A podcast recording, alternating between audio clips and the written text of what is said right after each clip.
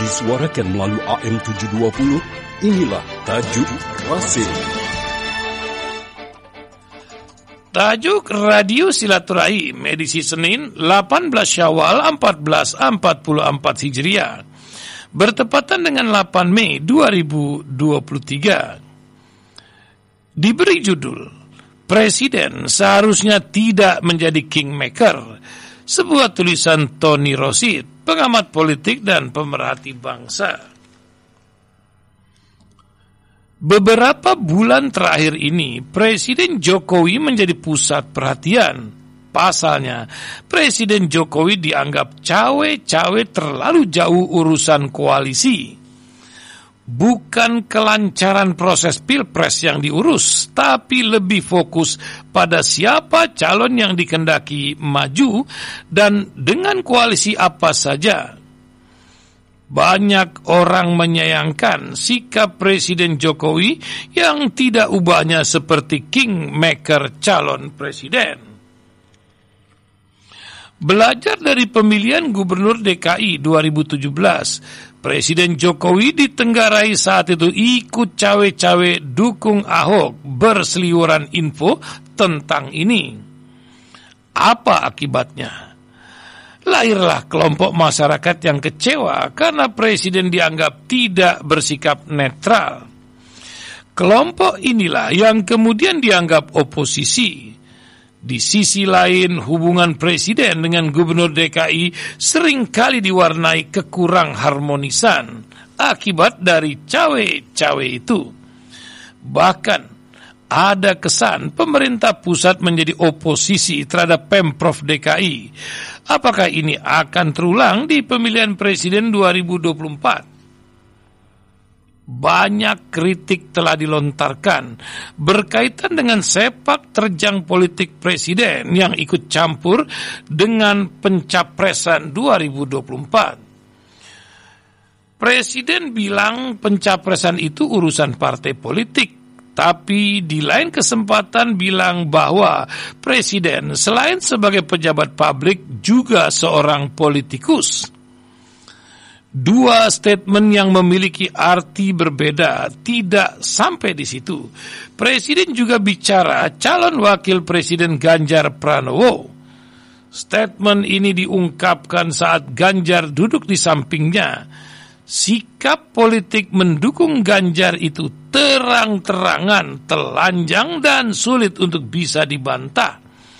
Ganjar pun semakin percaya diri dengan adanya Presiden Jokowi yang mendukungnya.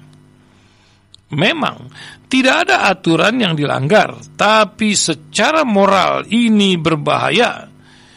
Jika presiden selaku kepala negara ikut campur urusan pencapresan, maka ia telah mendeklarasikan posisinya sebagai lawan dari calon lain. Di sini akan ada kekhawatiran jika kalah. Kekhawatiran inilah yang pada akhirnya bisa mendorong presiden untuk all out memenangkan calonnya. Dengan segala cara, apa pun akan dilakukan untuk memenangkan calon yang didukungnya. Sementara presiden pegang kekuasaan, ini cukup mengkhawatirkan kita tidak bisa membayangkan jika rasa khawatir itu kemudian membuat presiden bekerja secara all out memenangkan calonnya, maka akan berlaku hukum hidup mati. Padahal demokrasi mengajarkan kita untuk bertarung secara fair. Soal kalah menang itu hal biasa. Tidak perlu hidup mati dipertaruhkan dalam kompetisi ini. Ada dua keadaan yang paling kita khawatirkan pada Pilpres 2024 nanti.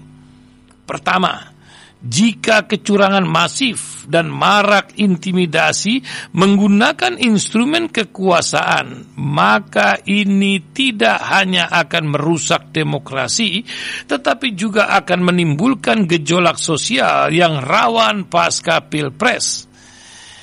Ini bisa terjadi di akhir masa kekuasaan Jokowi. Keadaan ini berpotensi membelah rakyat lebih parah dari saat ini.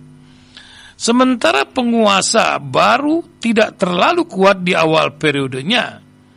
Kedua, jika pilpres dimenangkan oleh lawan presiden, maka ini akan membahayakan terhadap posisi presiden itu sendiri di kemudian hari. Di sisi hukum, hidup mati berlaku banyak dinamika yang tidak hanya tidak perlu, tapi cukup membahayakan bagi masa depan Indonesia jika Presiden Jokowi ini ikut campur terlalu jauh dan menjadi kingmaker capres tertentu. Harapan rakyat Presiden Jokowi menghentikan keterlibatannya dalam pencapresan 2024. Tidak perlu ikut mengatur koalisi, cukup menjadi bapak bangsa. Siapa pun yang menang, ia adalah presiden pilihan rakyat, bukan presiden pilihan presiden. Ini akan amat baik jika untuk bangsa, juga untuk Presiden Jokowi sendiri di kemudian hari. Sebab sejarah tidak ditulis hari ini saja, tapi sejarah akan juga ditulis setelah raja-raja turun tahta dan tidak lagi berkuasa.